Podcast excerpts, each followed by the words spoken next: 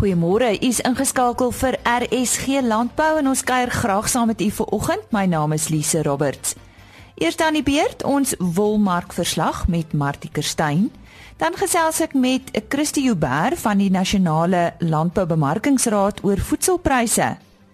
En hy het meer gaan uitvind oor die Noupoort Jong Ooi Klub En indien jy bekommerd is oor u koolstof voetspoor, bly ingeskakel. Ons gesels oor 'n koolstof voetspoor sakrekenaar. Soos ek genoem het, Martie Kerstyn is eerste vanoggend aan die woord met ons wolmark verslag.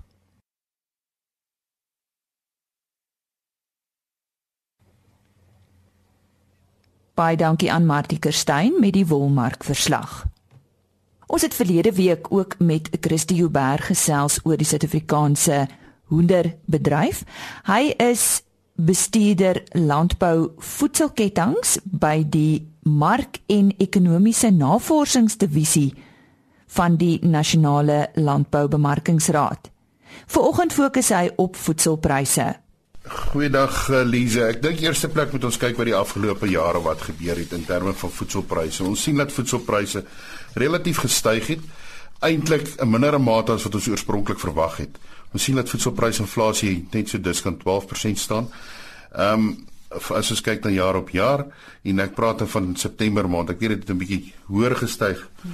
Bietjie later maar ons volgende ehm um, moniterings verslag kom uit die einde van die maand.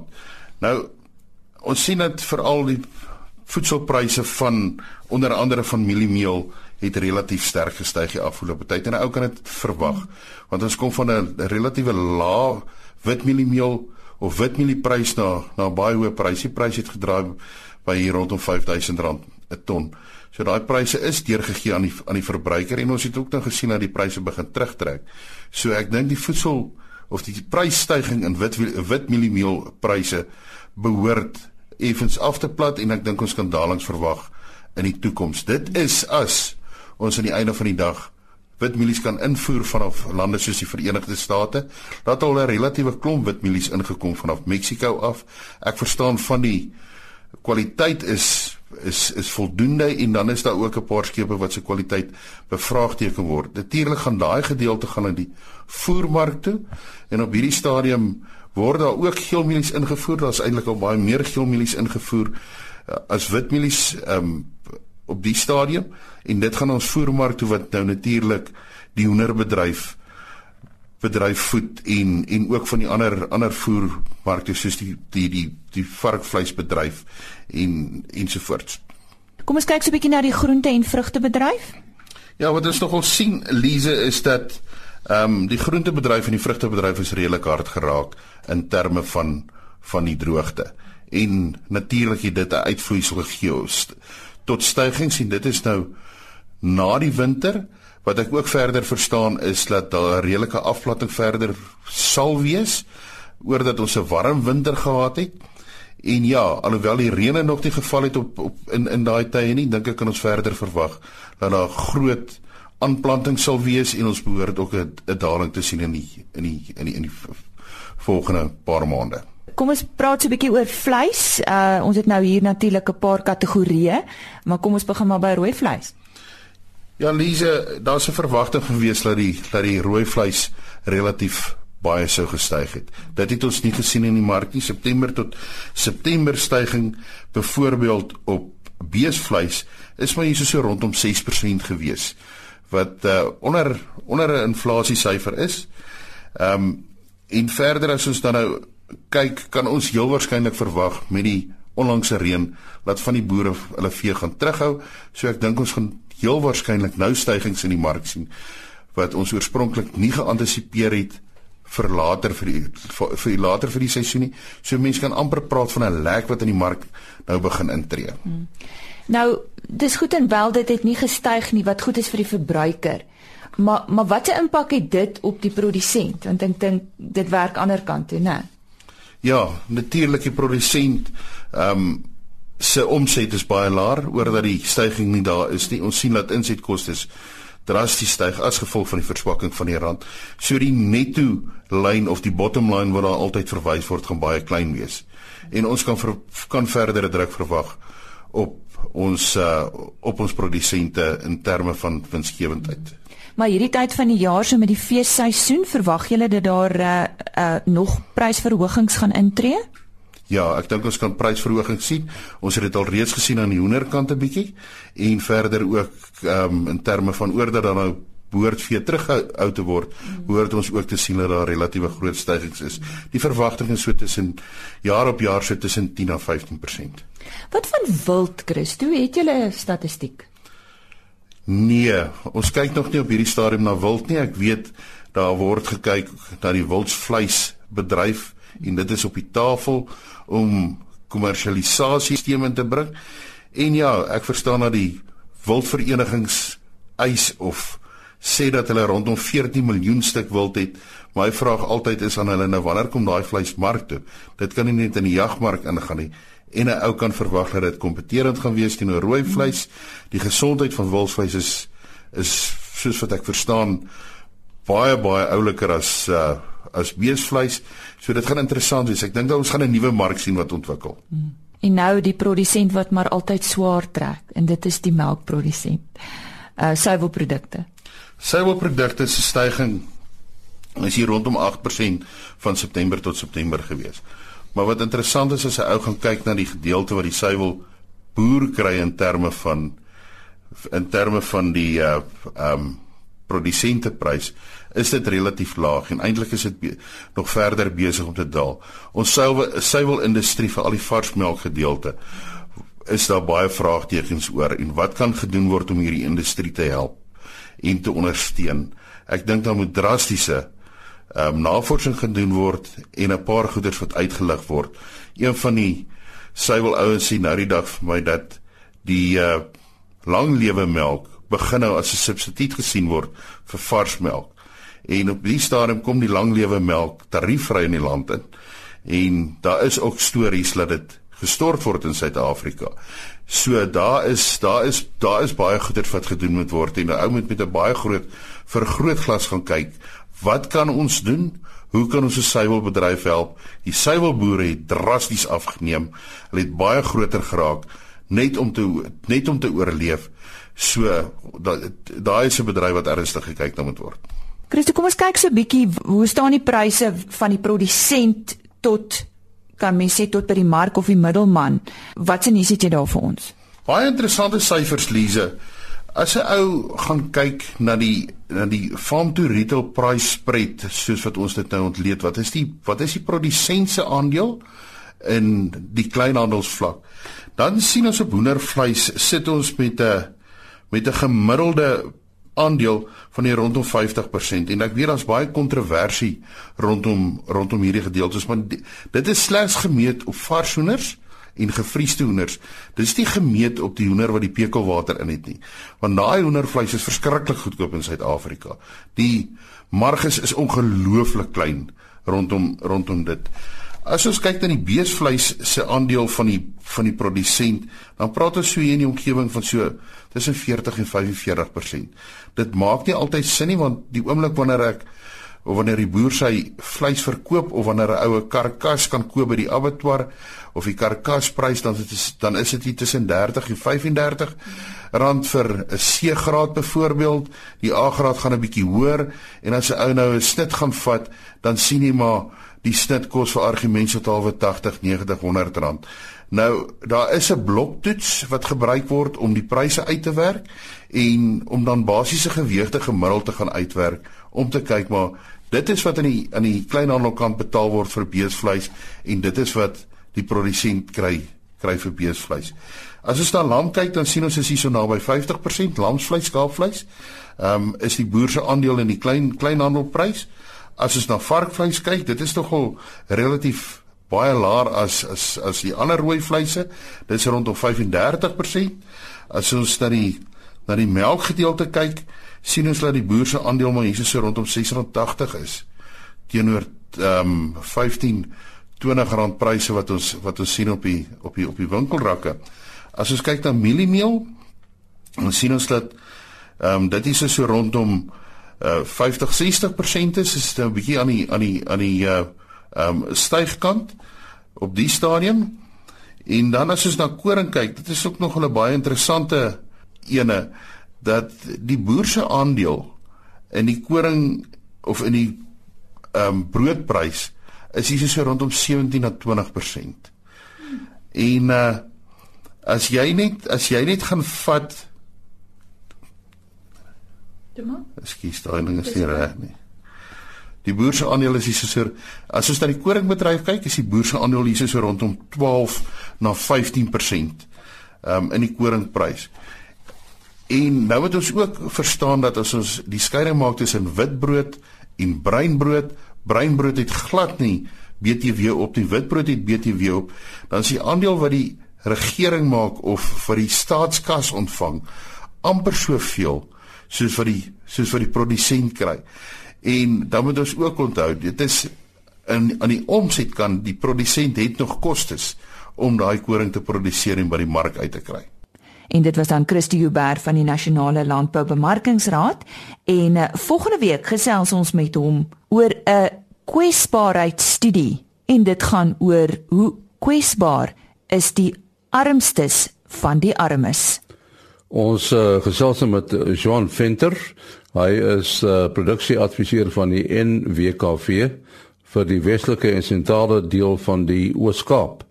En ons gaan met hom praat oor die Noupoort Jong Ooi Merino Club.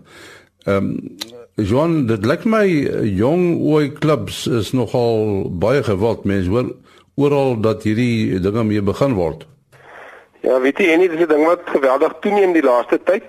Uh die spesifieke jongoui klub van Noupoort kom nou al die afgelope 16 jaar in 2010 gestig. En uh daar's 'n regtig 'n redelike toename spesifiek in die Oos-Kaap uh van hierdie jongoui klubs uh waar boere bymekaar kan kom en bymekaar kan leer. So so wat uh, net uh, kortliks is die doel van so 'n klub?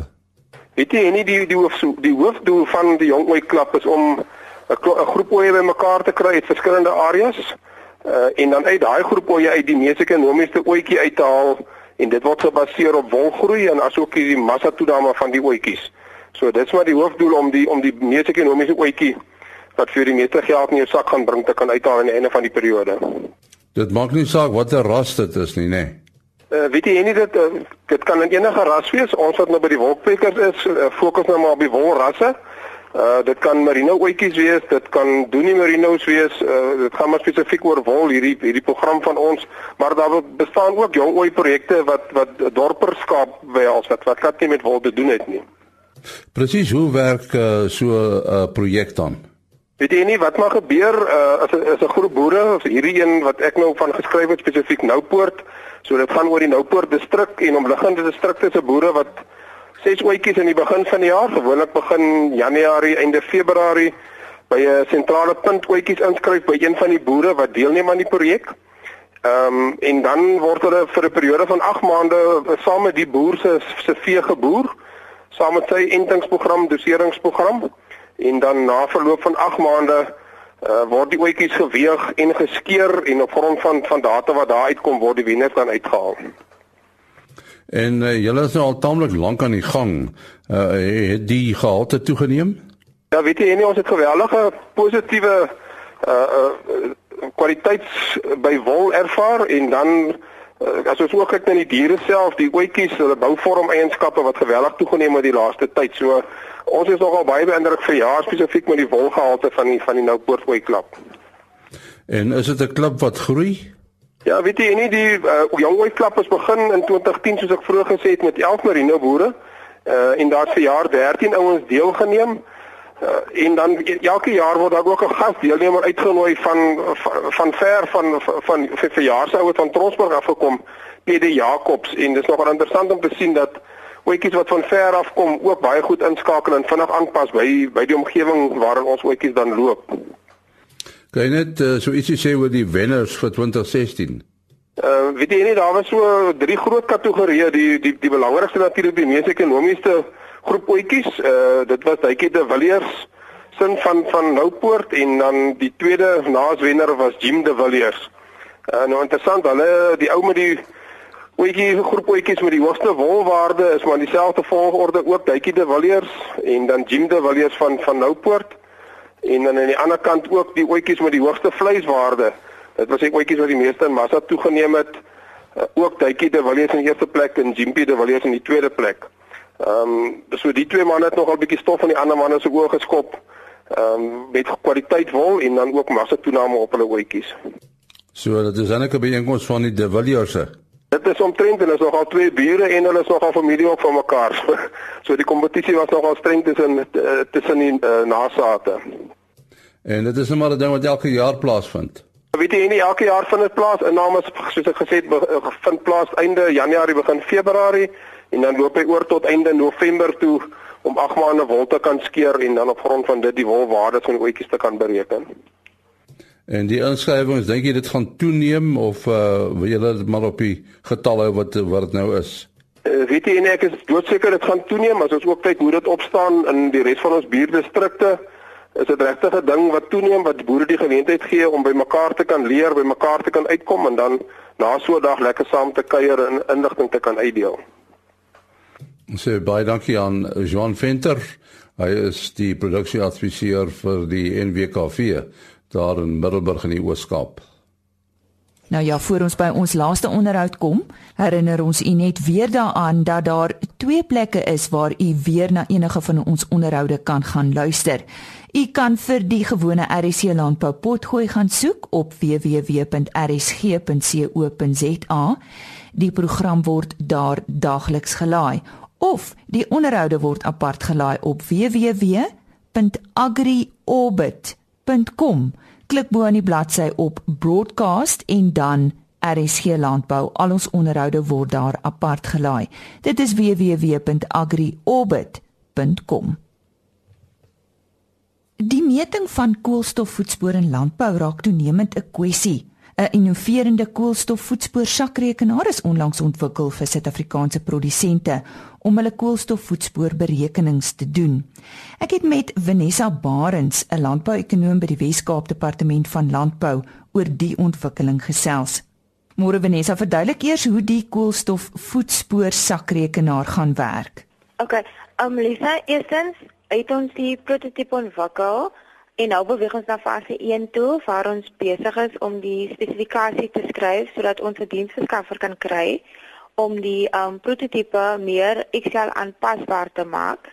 En nou wat ek daarmee bedoel is, um ons wil hê die formules en die emissiefaktore moet versteek is sodat die gebruiker of die vir die gebruiker ja, dit nie kan sien nie.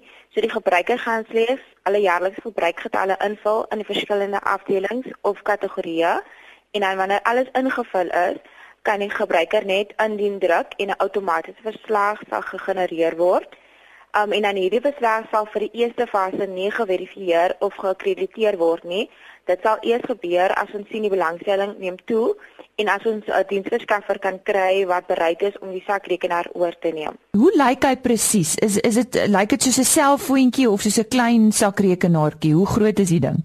Nee nee nee, die die koolstof um sakrekenaar is is Excel based So dis 'n Excel spreadsheet waar die persoon net hulle getalle kan gaan invul in die verskillende afdelings. So met ander woorde, dit kan half soos 'n 'n toep afgelaai word op jou selfoon byvoorbeeld. As jou selfoon 'n smart selfoon is, ja. Wat is die doel hiervan en hoekom het julle dit ontwikkel? Okay, um, met die hele koolstofbelasting wat wat nou baie um bekend en populêr raak en almal praat daarvan, um, het ons nou besluit um ons wil graag ons boere um meer bewus maak van klimaatsverandering en ook die koolstofvrystelling. Um om ons boere ook dan toe te rus so wanneer fase 1 en fase 2 van die koolstofbelasting inkom, um dan is ons boere gereed vir dit.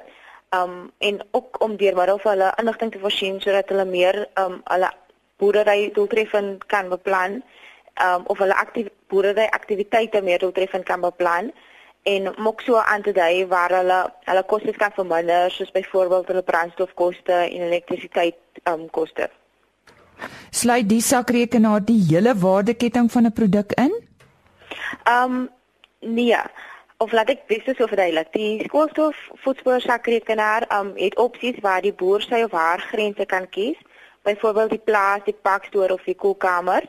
So wanneer die kommuniteit of die produk die grens of die plaashek verlaat, fokus ons nie meer op wat met die produk of die kommuniteit gebeur nie. Um, maar ons kyk wel na as die boer die kostes moet aangaan om die produk na die mark toe te kry, sal ons definitief na daai um, emission faktore kyk of emissies daarvan kyk. So dis maar op die produsent gefokus. Ja. Hoe beplan julle om dit dan aan die produsent beskikbaar te stel? Um, eerstens sal ons baie bemarking moet doen. So ons sal um, praatjies gaan hê by boere daar. Ons sal publikasie in die media hê.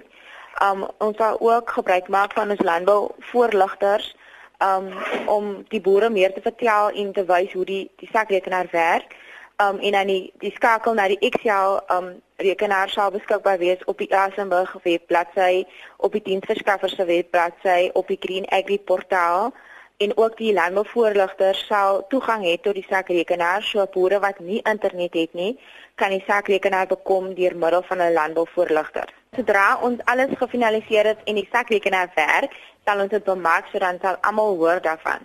En dit was aan Vanessa Barends, landbouekonoom by die Wes-Kaapse Departement van Landbou. Ja, mens kan sien dat die jaar einde se kant toe staan.